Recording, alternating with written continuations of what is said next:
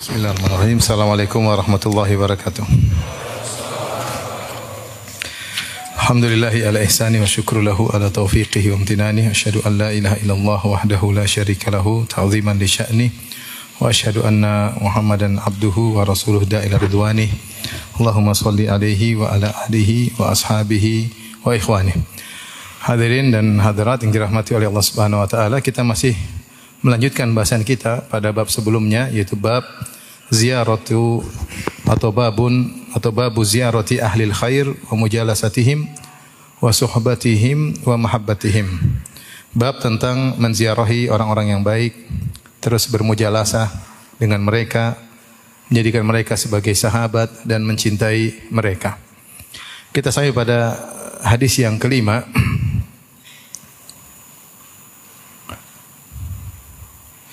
di mana Rasulullah SAW bersabda Wa an Abi Hurairah radhiyallahu anhu dari Abu Hurairah radhiyallahu anhu an Nabi sallallahu alaihi wasallam dari Nabi sallallahu alaihi wasallam berkata tungkahul mar'atu li arba sungguhnya wanita dinikahi karena empat perkara lima liha karena hartanya wali hasabiha lima li, li, li hasabiha karena kedudukannya harkat dan martabatnya karena kabilahnya wali jamaliha karena kecantikannya walidiniha karena agamanya. Fadfar bidzatid din taribat yadak. Maka hendaknya engkau beruntung dengan mendapatkan wanita yang beragama, kalau tidak maka engkau akan merugi. Hadis ini dibawakan oleh Imam Nawawi rahimahullahu taala dalam bab uh, ziarah menziarahi orang yang baik, bermujalasah dengan mereka, menjadikan mereka sebagai sahabat mencintai mereka tentang keistimewaan istri yang solehah. Karena istri solehah bukan menjadi teman kita sehari dua hari, maka menjadi teman kita dalam waktu yang lama. Bisa jadi sampai seumur hidup kita. Oleh karenanya dalam mencari teman yang terdekat kita harus lebih uh, selektif. Kalau teman kita hanya cuma di kantor, teman sehari-hari, teman ngobrol, teman bermain-main kita saja selektif, apalagi teman yang akan menemani kita dalam waktu yang sangat lama dan juga akan membantu kita dalam mendidik anak-anak kita, maka harus selektif dalam memilih istri. Maka Rasulullah SAW jelaskan bahwasanya di masyarakat sebab seorang wanita dinikahi ada empat. Ini semuanya hukumnya boleh, tidak ada yang haram, semuanya boleh. Ya, tetapi yang dianjurkan yang paling utama adalah uh, yang karena agama. Maka Rasulullah SAW jelaskan tungkahul mar'atu li arba wanita dinikahi karena empat perkara lima liha. Artinya ada seorang yang lelaki yang menikahi wanita karena hartanya. Ya mungkin punya tujuan tertentu agar bisa mengambil manfaat dari harta tersebut. Hukumnya boleh atau tidak? Boleh, tidak ada masalah. Cuma tidak dianjurkan. Tidak di, dianjurkan, tapi boleh. Kemudian yang kedua wali hasabiha, menikahi seorang wanita karena kedudukannya, mungkin anak pejabat atau dia dari suku yang nasabnya tinggi atau dia keturunan darah biru atau dia uh, pokoknya orang terpandang di masyarakat, dia ingin menikah dengan wanita tersebut sehingga derajatnya pun naik sebagaimana istrinya. Hukumnya boleh? Boleh. Dan ada yang melakukannya? Ada. Rasulullah jelaskan ada orang melakukan hal ini. Di mana-mana di di Arab, di Indonesia ada yang menikahi wanita karena kedudukannya. Hukumnya boleh? Boleh, namun tidak dianjurkan. Yang ketiga wali jamaliha karena kecantikannya. Ada dan ini yang paling banyak. Orang menikah karena apa? Cantikannya ya. Boleh hukumnya? Boleh ya. Bahkan untuk kecantikan uh, dianjurkan, tapi dia bukan yang yang terbaik. Yang terbaik itu agamanya. Kecantikan di dianjurkan ya dengan dalil bahwasanya Rasulullah SAW mensyariatkan adanya nazar. Ya. Unzur ila ma yad'u ila nikahiha. Rasulullah SAW menyuruh seorang lelaki ketika ingin menikah untuk melihat kepada sang wanita agar dia tertarik lebih terpacu untuk menikahinya. Ya, karena dengan wanita yang sesuai dengan apa yang kita sukai, maka akan lebih uh, melanggengkan pernikahan. Dan yang terakhir ini yang paling penting, walidiniha. Ada lelaki yang menikahi wanita karena agamanya. Nah, di sini Rasulullah SAW menggunakan kata fadfar. Zafar itu artinya menang ya. Disebut zafara itu menang. Itu setelah berusaha kemudian akhirnya berhasil. Seakan-akan ada persaingan, maka kau menanglah di antara orang-orang yang bersaing mencari wanita dengan mendapatkan wanita yang beragama. Ya. Kalau tidak taribat yadak, jika tidak maka taribat yadak, maka tanganmu akan tertempel pada tanah. Ini ungkapan bahasa Arab untuk menunjukkan kerugian, untuk menunjukkan kerugian. Hadis ini eh, ikhwan dan akhwat yang rahmati Allah Subhanahu wa taala jelas sekali kaitannya dengan judul bab tentang keutamaan bermujalasah dengan orang yang soleh, bersahabat dengan orang yang soleh karena istri adalah uh, teman kehidupan ya, bahkan bukan berteman eh, sehari dua hari bahkan bertahun-tahun tiap hari ketemu dengan istri. Kalau dia soleha maka inilah nikmat yang luar biasa. Maka Nabi SAW benar dalam sabdanya ad-dunya mata wa khairul mata'id dunya al-mar'atu salihah. Bahwasanya dunia ini adalah kesenangan mata itu suatu kesenangan yang akan selesai ya. dan sebaik-baik perhiasan dunia adalah istri yang soleha. Dan ini benar ya ini sungguh benar ya Orang dapat istri soleha seperti dapat surga yang disegerakan. Siapa yang dapat istri yang kepala batu seperti neraka yang disegerakan. Seakan-akan ini anak buah iblis yang dikirim kepada kita. Tapi kalau dapat istri soleha, masya Allah nikmatnya luar luar biasa. Makanya Rasulullah SAW pernah bersabda kepada sahabat, "Liyattakhid ahadukum qalban syakiran wa lisanan dzakiran wa zaujatan mu'minah tu'inuhu ala amril akhirah." Hendaknya salah seorang dari kalian menjadikan hatinya adalah hati yang pandai bersyukur, lisan yang suka berzikir, dan hendaknya dia mendapatkan seorang wanita mukminah yang solehah yang membantunya dalam urusan akhirat. Bahagia kita punya istri yang menegur kita ya. Abi jangan sombong. Abi tundukkan pandangan. Jangan jelalatan bi Hati-hati bi naik pesawat ada pramugari, jangan jangan belok kanan lihat ke jendela terus ya. Eh, bahagia. Kita ditegur, kita senang. Senang. Ada istri bangunkan sholat malam. Bahagia atau tidak? Bahagia. Bukan istri yang ngajak nonton sinetron. Bukan. Oleh karenanya, benar-benar seorang harus selektif dalam memilih istri. Ya. Ustaz kalau sudah terlanjur gimana? Ya sudahlah. Berdoa agar istri menjadi lebih baik, lebih solehah, lebih bertakwa kepada Allah Subhanahu wa taala. Tidak ada kata terlambat. Tidak ada kata terlambat. Maka yang belum menikah misalnya para jomblo-jomblo yang sedang menderita, maka hendaknya benar-benar selektif dalam mencari isi dan pilihan pertama adalah wanita yang solehah. Yakinlah kebahagiaan anda pada kesolehan seorang istri. Yakinlah kebahagiaan anak-anak anda pada kesolehan seorang apa? Istri. Kecantikan oke, okay, itu penting. Tapi dia bukan nomor satu. Nomor satu adalah kesolehan. Nomor satu adalah kesolehan. Taib. Kalau kita sudah fokus pada agama, maka perkara yang berikutnya silakan. Saya senang agamanya, kemudian melihat kecantikannya atau melihat uh, kedudukannya atau melihat uh, hartanya boleh-boleh saja. Tapi yang paling penting menjadi prioritas kita utama, orientasi kita ketika memilih seorang wanita adalah karena dia soleha. Dia soleha. Nah bagaimana kita tahu dia soleha? Ya kita harus tanya. Tanya kepada orang di sekitarnya, tanya kepada teman-temannya, tanya kepada kalau dia bahkan sebagian ulama berkata carilah wanita yang masyhurah, carilah wanita yang masyhur dengan kesolehannya. Kejujurannya, ketakwaannya, ibadahnya, akhlaknya cari. Kalau dapat alhamdulillah ya. Adapun kecantikan maka itu nomor dua, tapi membantu seorang semakin bertakwa kepada Allah jika mendapatkan istri yang yang cantik ya. Makanya saya katakan mencari istri yang cantik pun dianjurkan dalam syariat karena disyariatkannya nazar. Tidaklah Nabi mensyariatkan nazar kecuali untuk agar sang laki melihat kecantikan wanita tersebut sehingga dia tertarik atau tidak. Intinya kalau kita ingin menikah sama seorang wanita, maka yang pertama adalah perkara agamanya.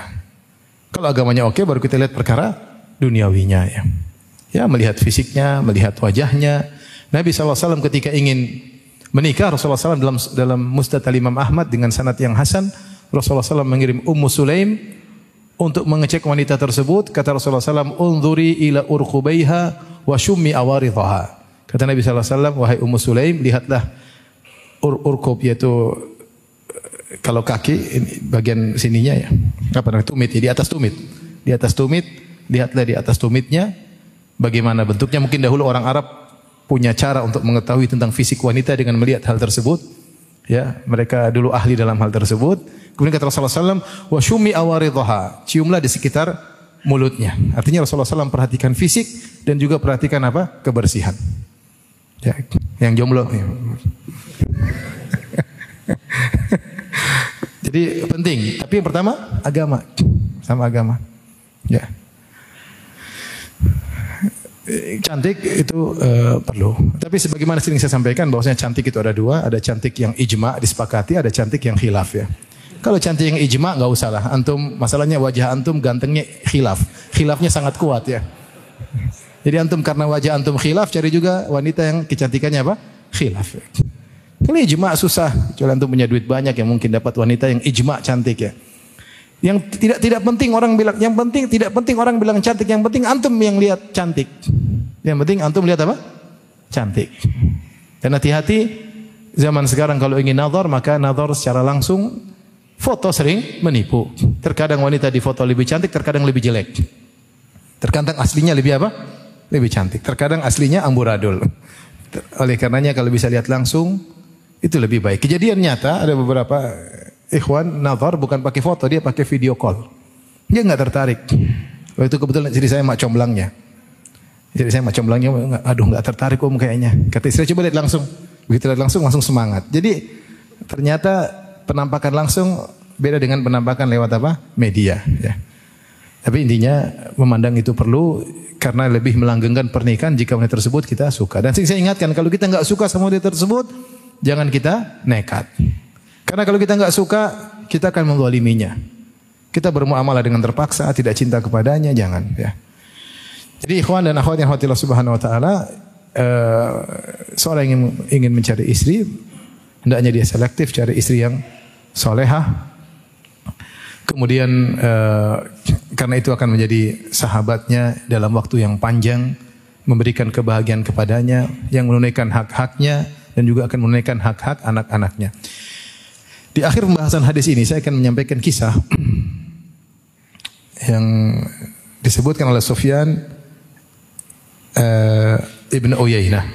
Saya bacakan dari kitab Tahdhibul Kamal jilid 11 halaman 194 sampai 195. Sufyan bin Uyainah muhadis terkenal. Qala Yahya bin Yahya An-Naisaburi dari Yahya bin Yahya An-Naisaburi beliau berkata kuntu inda Sufyan ibn Uyainah Suatu hari aku berada di sisi Sufyan ibn Uyainah idja'ahu rajulun. Kemudian ada seorang datang kepadanya. Faqala ya Abu Muhammad. Kunyahnya Abu Muhammad. Maka lelaki ini berkata, wahai Abu Muhammad. Ashku ilaika min fulana, yakni imratahu. Aku mengeluhkan kepadamu tentang si fulan, itu istrinya. Istriku begini, begini, begini, begini. Ana adzalul asya indah. Aku adalah orang yang paling rendah di sisinya. Wa ahqaruha. Dan aku adalah orang yang paling hina di sisinya. Karena dia tidak dihormati dengan apa? Dia tidak dihormati oleh istrinya sama sekali. Dia mengeluhkan hal itu. Namanya suami ingin dihormati. Allah mengatakan Subhanahu wa taala, "Ar-rijalu qawwamuna 'alan nisa." Ya. Bahwasanya para laki adalah pemimpin para wanita ditafsirkan oleh Ibnu Abbas umara itu para penguasa. Laki harus merasa dirinya sebagai amir di rumahnya, sebagai penguasa. Ini malah kebalikannya. Justru dia paling merasa terhina, paling rendah di sisi istrinya. Fa'atraqa Sufyanu maliyan thumma rafa'a ra'sahu. Kemudian Sufyan Ibn Uyainah rahimahullah menundukkan kepalanya sebentar. Kemudian dia pun mengangkat kepalanya. Faqala, kemudian dia berkata, "La'allaka ragibta ilaiha litazdada bidzalika izzan." Mungkin saja dulu waktu kau menikahinya kau berharap engkau lebih mulia dengan menikahi wanita tersebut ya karena duniawi. Faqala na'am ya Aba Muhammad. Akhirnya dia mengaku benar wahai Muhammad. Wahai Sufyan, saya dulu menikahinya karena ingin derajatku semakin tinggi, derajat semakin terpandang. Faqala maka Sufyan berkata, "Man dhahaba ilal izzi ubtiliya bidzul." Siapa yang menikah karena mencari derajat, ingin lebih terpandang, maka dia akan mendapat musibah dengan kehinaan. Wa man dhahaba ilal mal ubtila bil. Siapa yang menikahi seorang wanita karena mencari hartanya, maka dia akan diuji dengan kefakiran. Wa man dhahaba ilad din Yajma'allahu lahul izza wal mala ma'ad-din. Siapa yang menikahi seorang wanita karena agamanya, maka Allah akan kumpulkan baginya kemuliaan harta dan agama. Kemuliaan harta dan agama. Thumma ansha'a yuhadithuhu faqal. Kemudian Sufyan ibnu Uyainah menceritakan tentang pengalaman pribadinya kepada lelaki tersebut. Faqala kunna ikhwatan arba'atan Muhammad wa Imran wa Ibrahim wa ana. Kami empat bersaudara. Muhammad, Imran, Ibrahim dan saya. Fa Muhammad akbaruna, Muhammad adalah kakak kami yang paling besar. Wa Imran asgharuna Dan Imran adalah adik kami yang paling kecil, yang paling bungsu. Wa kuntu awsatahum. Wa kuntu awsatahum. Aku di tengah-tengah. Falamma arada Muhammadun an yazawwaja raghiba fil hasab fatazawwaj man hiya akbaru minhu hasaban. Ketika kakakku Muhammad ingin menikah, maka dia ingin mencari wanita yang derajatnya lebih tinggi. Maka dia pun menikahi seorang wanita yang derajatnya lebih tinggi daripada dia. Kedudukannya, mungkin nasabnya lebih tinggi, harkatnya lebih tinggi. Fabtalahu Allahu bidzul, maka Allah pun mengujinya dengan kehinaan. Ternyata dia tidak menjadi lebih tinggi, dia semakin apa? Terhina. Wa Imran ragiba fil mal. Imran menikah karena ingin dapat harta dari istrinya. Fatazawwaja man hiya akbaru malan minhu. Maka dia pun menikah seorang wanita yang lebih banyak hartanya daripada dia. Fabtalahu Allahu bil maka Allah pun uji dia dengan kefakiran. Akhadhu ma fi yadayhi, mereka pun mengambil hartanya.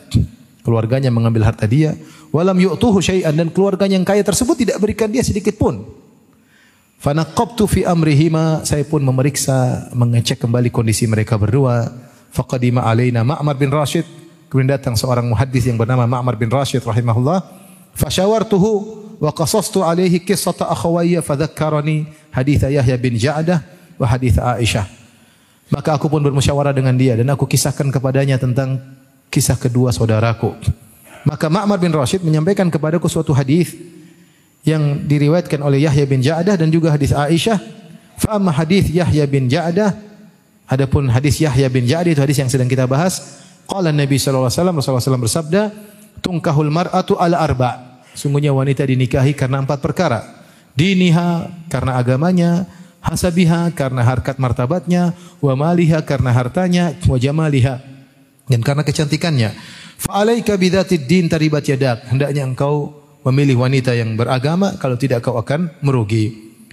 Wa hadithu Aisyah dan hadis Aisyah Ma'mar mengingatkan kepada aku anna Nabi sallallahu alaihi wasallam bahwasanya Rasulullah SAW bersabda a'dhamun nisa'i barakatan aisaruhunna mu'natan. Wanita yang paling banyak berkahnya adalah yang paling uh, murah atau yang paling uh, apa namanya mudah uh, urusannya, yang paling mudah biayanya, yang paling mudah biayanya. Fakhtar tuli nafsiddin, maka aku mencari wanita yang beragama. Wa takhfifadh dan aku mencari wanita yang mudah menikahnya, tidak tidak mahal-mahal. Iktidaan bi sunnati Rasulillah dalam rangka mencontohi sunnah Rasulullah wasallam. Fajama Allahu liyal izza wal mala ma'ad-din. Maka Allah kumpulkan untukku harta, kemuliaan dan agama. Ini praktek dari seorang muhaddis Sufyan bin Uyainah yang beriman dengan hadis Nabi sallallahu alaihi wasallam maka Allah berikan kepada dia agama dia menjadi seorang beragama kemudian menjadi orang yang mulia dan juga orang yang diberi harta oleh Allah Subhanahu wa taala. Dan ini benar sabda Nabi tersebut atau kisah ini benar. Kita dapati sebagian orang menikah dengan orang yang uh, lebih tinggi harkat dan martabatnya. Sementara dia miskin. Bagaimana hidupnya dalam keluarga istrinya? Dihina, rendah, mungkin kerjanya kurang. Dan betapa banyak masalah keluarga terjadi karena wanita lebih tinggi harkat martabatnya. Mentang-mentang ada kesombongan. Dia miskin, si miskin dari kampung nikah sama orang ibu kota ya. Anak pejabat kaya raya. Kemudian hidup bersama mereka yang biasa hidup dengan kesombongan, keangkuhan, maka dia akhirnya semakin apa? Semakin hina, semakin. Anak-anaknya pun terhina. Ah, kamu anaknya ini, wah pantas di, dihinakan. Dan itu terjadi ya. Dan itu terjadi. Sebagian orang menikah dengan wanita yang lebih banyak hartanya. Menikah dengan wanita tersebut, hartanya banyak, ternyata wanita tersebut pelit, perhitungan ya. ya. Malah maksa suaminya untuk kerja keras supaya bisa memenuhi kebutuhannya, ternyata ke salon setiap bulan 10 juta. Belum ke mall ke mana? Akhirnya dia semakin apa? Miskin belum mentang-mentang orang mentang-mentang wanita lebih kalau merasa lebih tinggi baik secara harta maupun secara kedudukan maka mentang-mentang sama suaminya. Oleh karenanya saya mendapati banyak kasus. Ini kasus saya ditanyakan langsung ketika saya ngisi di kajian di uh, pegawai-pegawai pegawai-pegawai negeri waktu itu.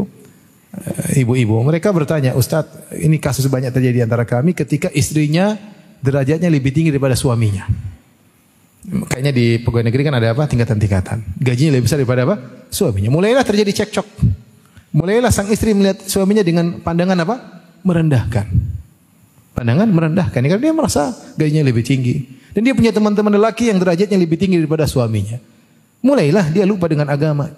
Mulailah dia menilai lelaki dengan kedudukan atau dengan jabatan. Dan itu terjadi.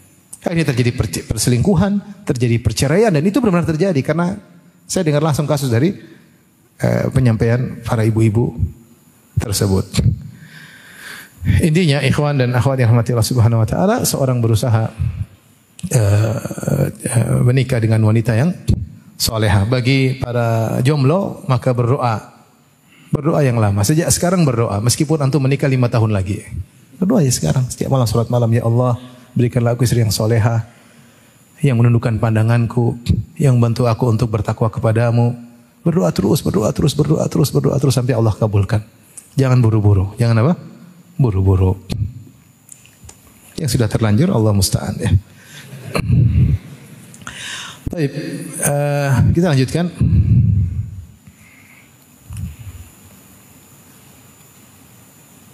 Saya bacakan perkataan Imam Nawawi wa ma'nahu anna an-nasa yaqsiduna fil 'adah min al-mar'ah hadhil khisal arba.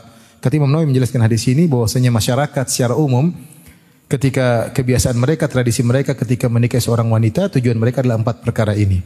Fahris anta ala dzatid din, maka semangatlah engkau untuk mencari wanita yang agamanya baik.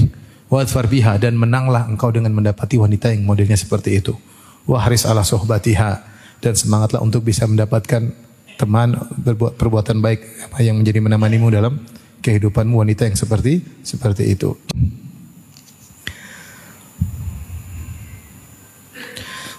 Hadis berikutnya wa an Ibnu Abbas radhiyallahu taala anhuma qala qala Nabi sallallahu alaihi wasallam di Jibril. Dari sahabat Ibnu Abbas radhiyallahu anhuma beliau berkata qala Nabi sallallahu alaihi wasallam li Jibril. Rasulullah sallam berkata kepada Jibril alaihi salam.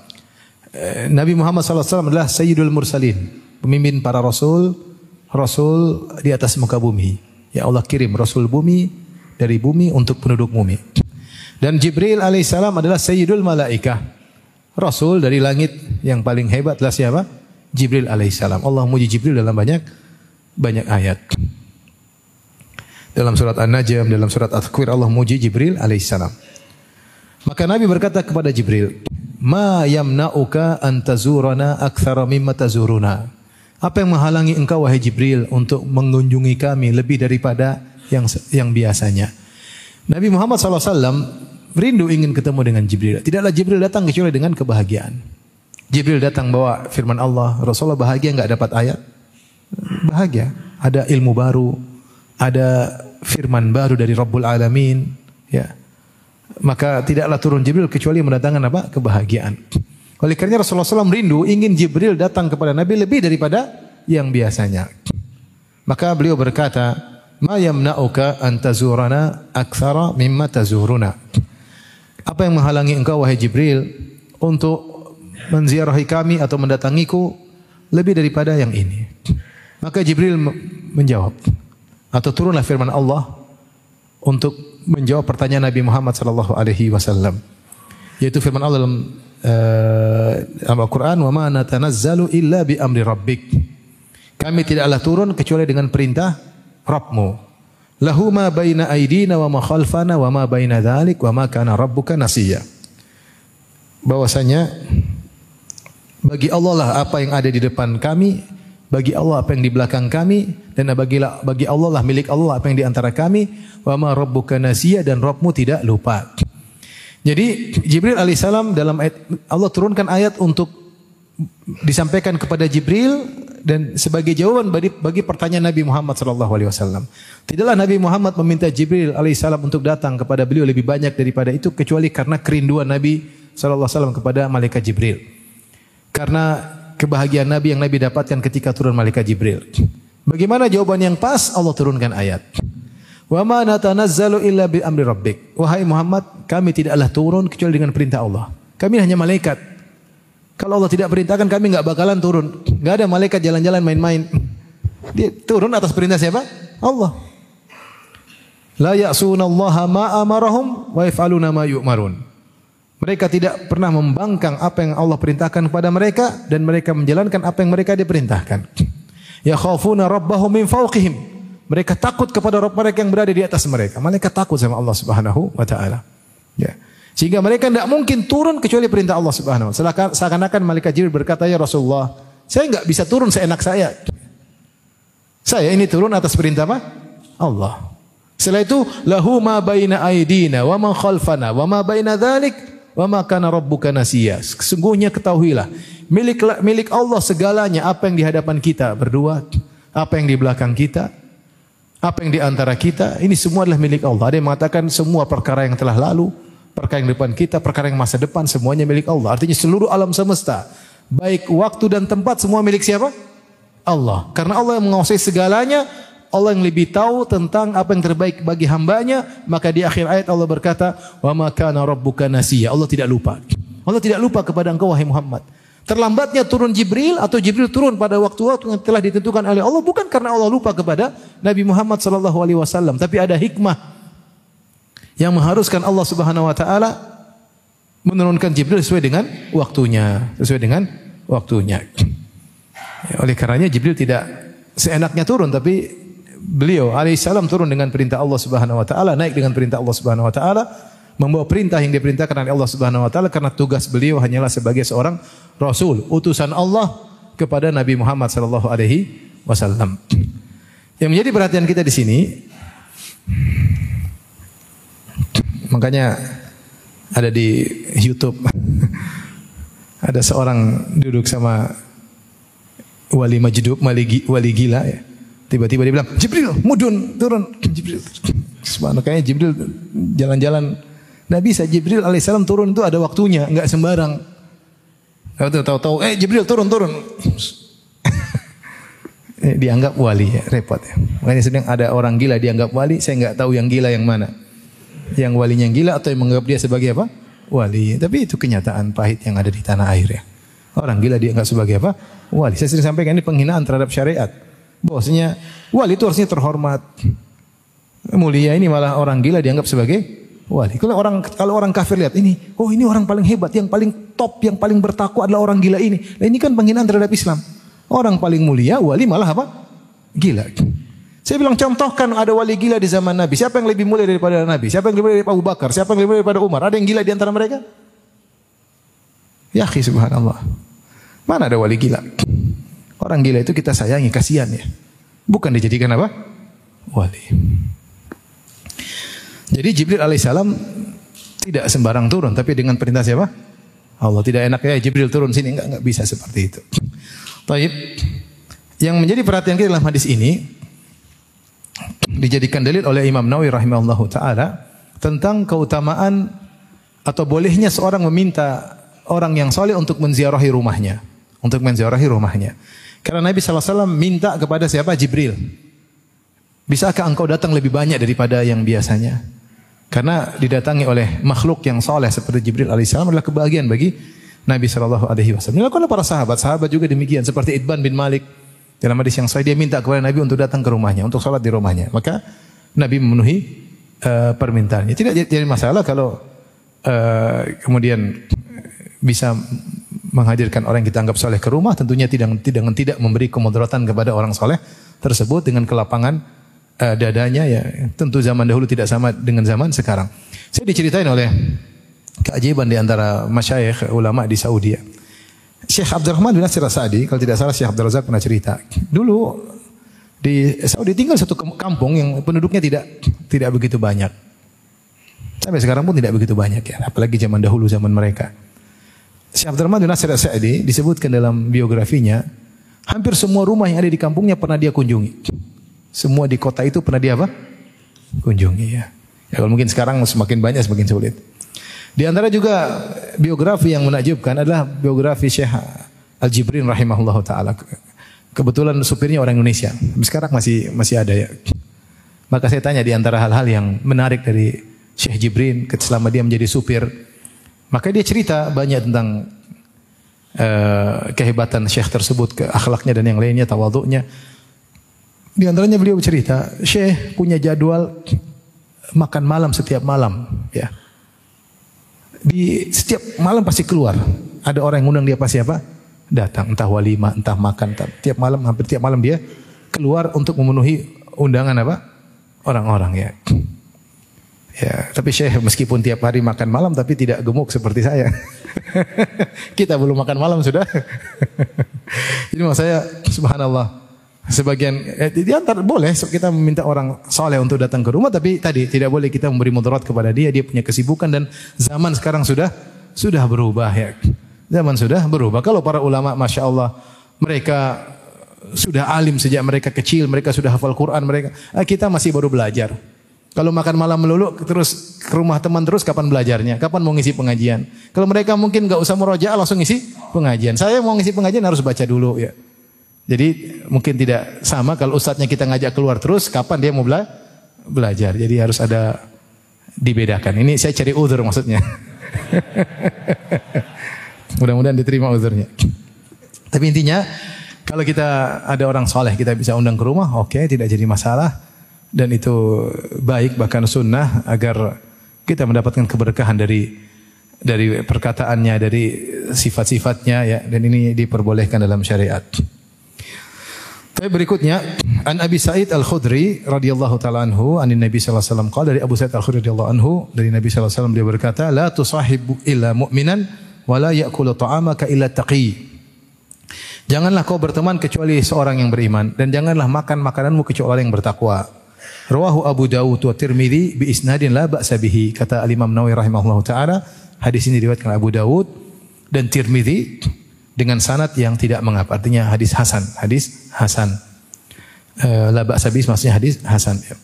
Hadis ini kembali terkait dengan judul bab yaitu tentang uh, ziarat ahli khair wa mujalasatihim wa suhbatihim yaitu menziarahi orang-orang yang saleh bermujalasa dengan mereka dan bersahabat dengan mereka.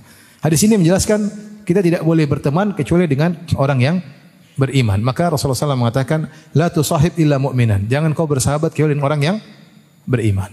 Sebagaimana sudah kita jelaskan bahwasanya uh, teman itu punya punya pengaruh yang luar biasa ya. Punya teman yang luar biasa ya. Kalau kita bergaul dengan orang yang buruk, kita bisa menjadi buruk. Kalau kita bergaul orang yang baik, kita bisa menjadi baik. Kalau kita bergaul dengan orang yang selalu mengingatkan kita pada dunia, akhirnya orientasi kehidupan kita hanyalah dunia, dunia, dan dunia. Kalau dia mulai berbicara tentang kemewahan, kita tak akan terbawa. Akan terbawa. Dia bicara tentang benda mewah ini. Mau kita terbawa seakan-akan jadi tren hidup. Suatu, suatu model kehidupan kalau nggak punya yang barang mewah tersebut kayaknya rendah derajat kita. Makanya bahaya. Ibu-ibu kalau sudah salah bergaul dengan ibu-ibu yang hidupnya glamor ya. Beli barang-barang mewah ya. Dia menyangka bosnya derajatnya naik dengan punya barang mewah tersebut. Kalau barang mewahnya tidak dia bawa, seakan-akan derajatnya rendah. Yang kita khawatirkan ketika dia memilih memiliki barang mewah tersebut, memang derajatnya naik di kalangan masyarakat.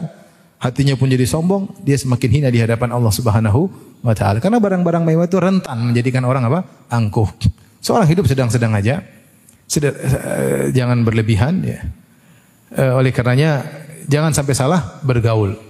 Jangan bergaul kecuali orang yang beriman yang mengingatkan engkau kepada hari akhirat. Kita berteman secara umum oke, okay, tapi menjadi sahabat, teman dekat yang di situ kita ngobrol bareng, jalan bareng, safar bareng, diskusi. Jangan sembarang. Cari orang yang beriman. Yang kalau kita berteman dengan dia, kita merasa iman kita semakin bertambah. Itulah teman yang yang baik. Saya berteman dengan dia setahun, kok iman saya semakin bertambah? Harus teman yang baik. Saya berteman dengan sebulan iman saya sudah hancur. Ah ini bahaya. Kok semakin turun iman saya? Pikirnya semakin dunia terus. Jangan bergaul sama dia. Jangan bergaul. Masih banyak teman yang lain. Kemudian wala ya'kulu ta'amaka illa taqi dan jangan makan makananmu kecuali yang bertakwa. Maksudnya di sini adalah jangan kau bermu, bermuakalah. Jadi mujalasa dan muakalah. Maksudnya sering berduduk-duduk, sering makan bareng. Jangan sering makan bareng kecuali orang yang bertakwa. Memberi makan kepada orang lain ada dua. Yang pertama memberi makan kepada orang karena kebutuhan. Maka ini siapa pun boleh. Pelaku maksiat pun boleh kita kasih. Orang kafir pun boleh kita kasih.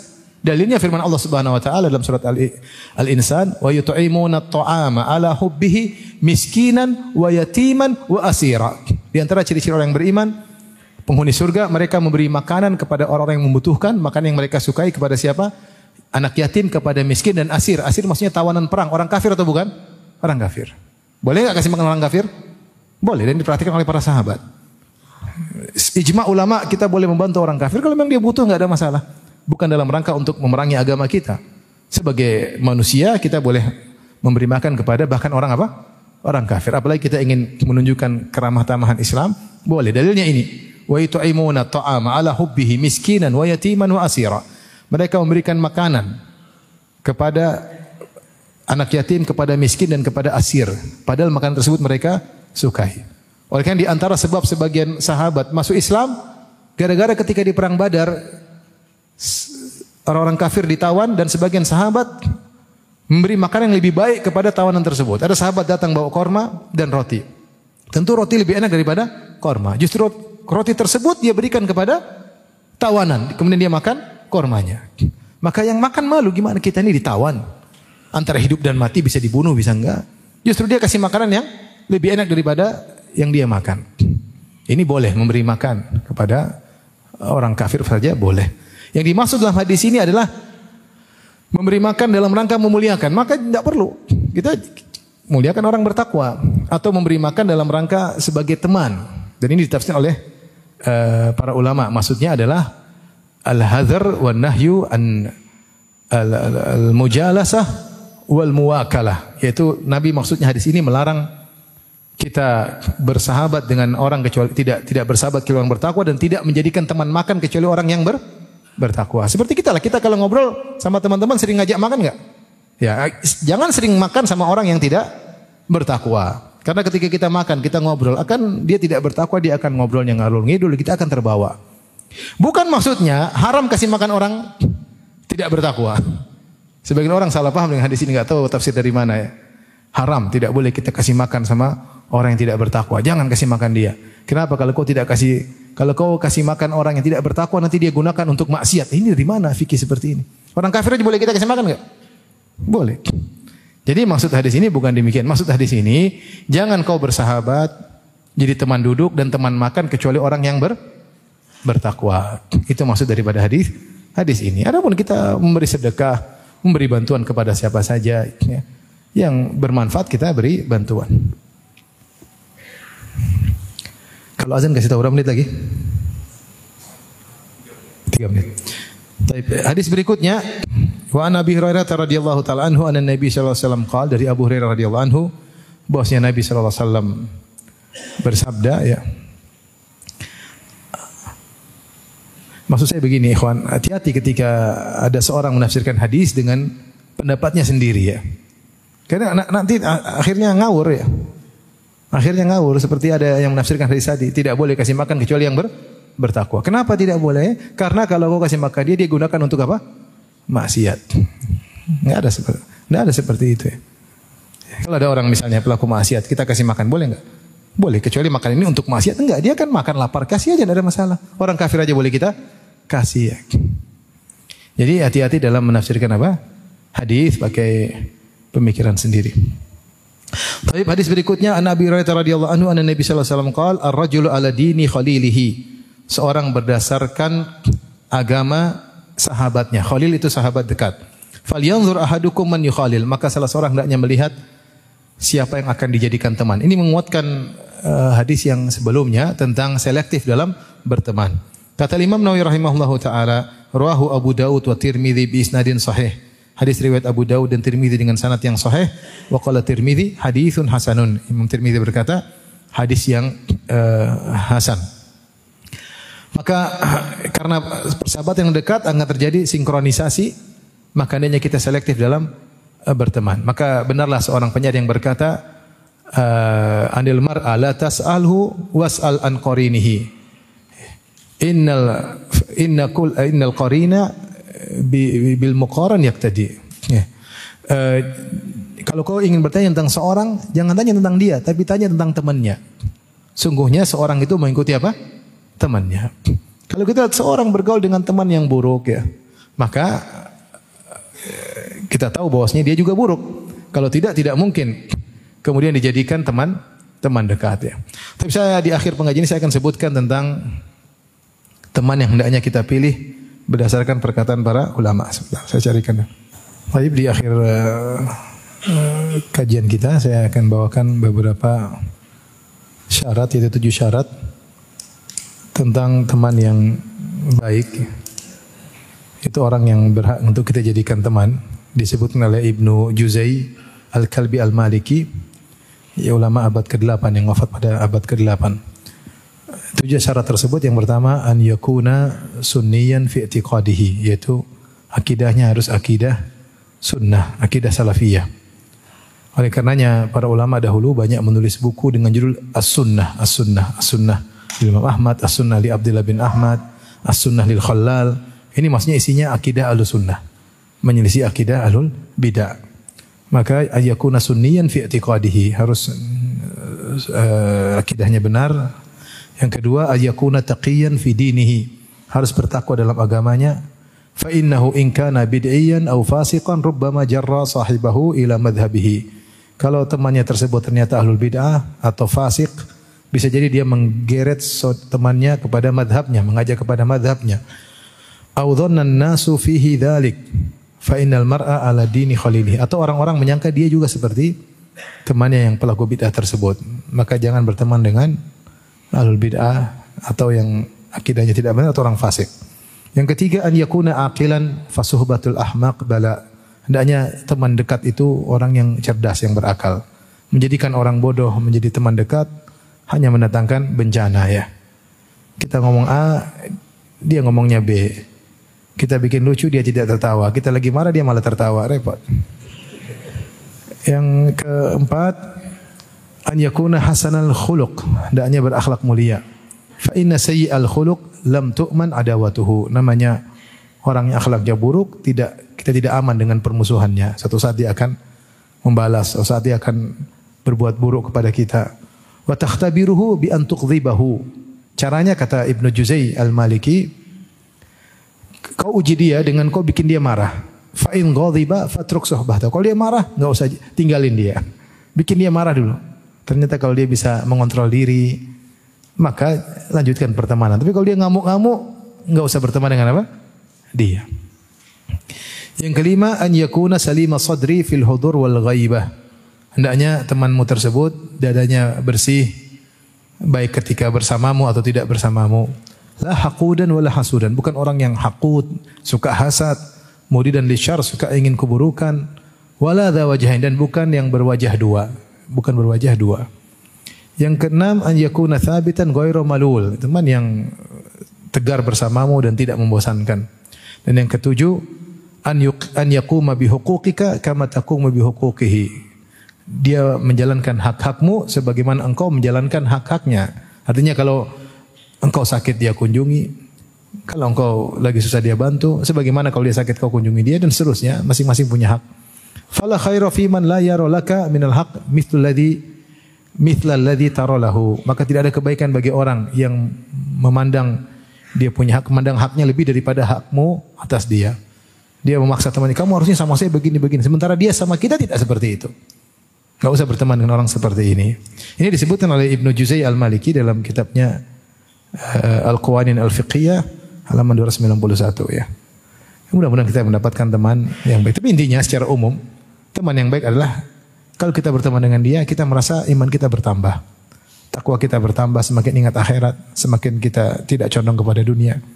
Itu teman yang baik. Ini kesimpulannya. Tapi kalau kita berteman ini, kita semakin jauh daripada uh, agama, semakin condong kepada dunia, orientasinya dunia melulu, maka ini teman yang yang buruk. Demikian saja kajian kita. Insya Allah kita lanjutkan pada kesempatan yang lain. Kurang lebihnya saya mohon maaf. Subhanakallah bihamdik. Asyhadu an la ilaha anta Assalamualaikum warahmatullahi wabarakatuh.